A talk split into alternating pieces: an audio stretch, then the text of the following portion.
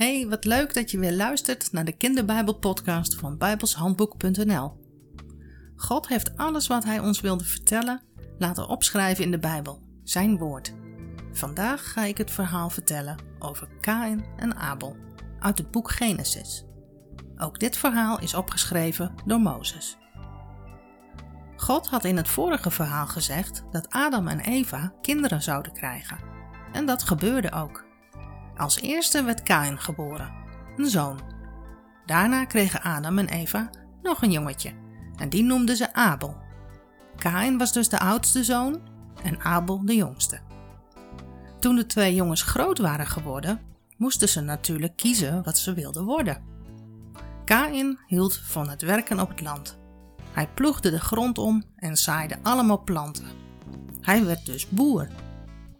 Abel werd ook boer maar hij werkte niet met planten, maar met dieren. Hij werd schaapherder. Hij zorgde heel goed voor zijn schapen en de lammetjes. Op een dag wilden Kain en Abel allebei God een offer brengen, een geschenk aan God om hem te bedanken. Kain wilde God bedanken voor het koren van het land en Abel voor de schapen. Daarom bouwden ze een altaar. Een altaar is een bouwwerk van stenen. Kain pakte de eerste vruchten van zijn oogst en legde dat als zijn geschenk op het altaar. Abel koos voor het beste schaap dat hij in zijn kudde had en legde het dier op het altaar.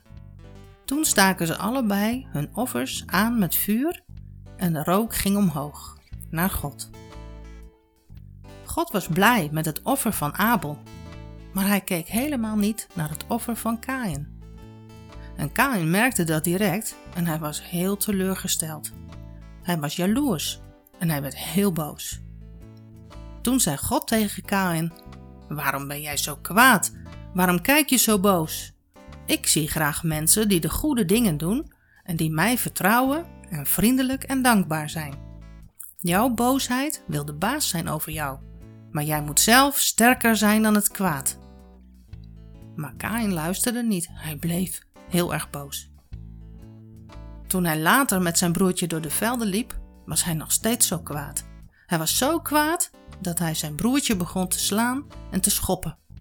En hij sloeg zo hard dat Abel doodging. Toen riep God en vroeg aan Kain: Waar is je broertje Abel gebleven? Kain antwoordde en zei: Dat weet ik toch niet? Moet ik soms op mijn broertje passen? Toen zei God: Wat heb jij gedaan? Abels bloed stroomt hier op de grond. Je hebt hem gedood. Kain schrok. God had alles gezien. Omdat je dit gedaan hebt, zei God, stuur ik je weg, ver weg van deze plaats. Je zal vanaf nu over de aarde rondzwerven en niet meer kunnen leven van de oogst van het land. Toen zei Kain tegen God: Wat ik gedaan heb is heel erg en ik snap dat u me dit niet kunt vergeven. Maar deze straf is toch veel te zwaar. Ik zal moeten zwerven op de aarde en u gaat mij verlaten? Iedereen die mij tegenkomt zal mij willen doden. Maar God zei nee, nee, nee, als iemand jou doodt, zal hij daarvoor zeven keer zo zwaar gestraft worden. Dus dat zal niet gebeuren. God gaf Kain daarom een teken, het K-insteken. We weten niet precies hoe dat teken eruit zag, maar het zorgde ervoor dat niemand hem zou durven doden. En toen ging Kain weg, naar het oosten. Hij ging wonen in het land Not. Daar trouwde Kain met een vrouw en zij raakten in verwachting. Ze kregen een zoon en ze noemden hem Henoch.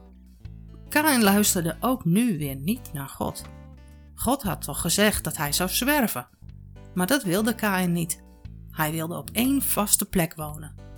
En daarom bouwde hij een stad. En hij noemde die stad Henoch, dezelfde naam als zijn zoontje. Later kreeg ook Henoch een zoon, en zo groeide de familie van Kain, maar deze familie leefde zonder God. Adam en Eva waren natuurlijk erg verdrietig.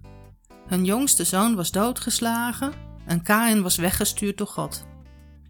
Gelukkig werd Eva weer zwanger en ook nu werd er weer een jongetje geboren. Ze noemden hem Seth. Zet betekent in de plaats van. Zet kwam dus in de plaats van Abel, die gedood was. Ze waren heel blij. Adam was toen al 130 jaar oud. In die tijd van de Bijbel werden de mensen oud. Adam is 930 jaar geworden. Dat is echt heel oud. Ook Seth kreeg kinderen. Toen hij 105 jaar oud was, kreeg hij zijn eerste zoon en die noemde hij Enos. En daarna kreeg hij nog meer zonen en dochters. De familie van Seth werd steeds groter en zij leefden gelukkig wel samen met God. Er komen hierna nog veel meer Bijbelverhalen en daar komen ook veel namen uit de familie van Seth in voor. Bijvoorbeeld Noach. En daar gaan we het de volgende keer over hebben.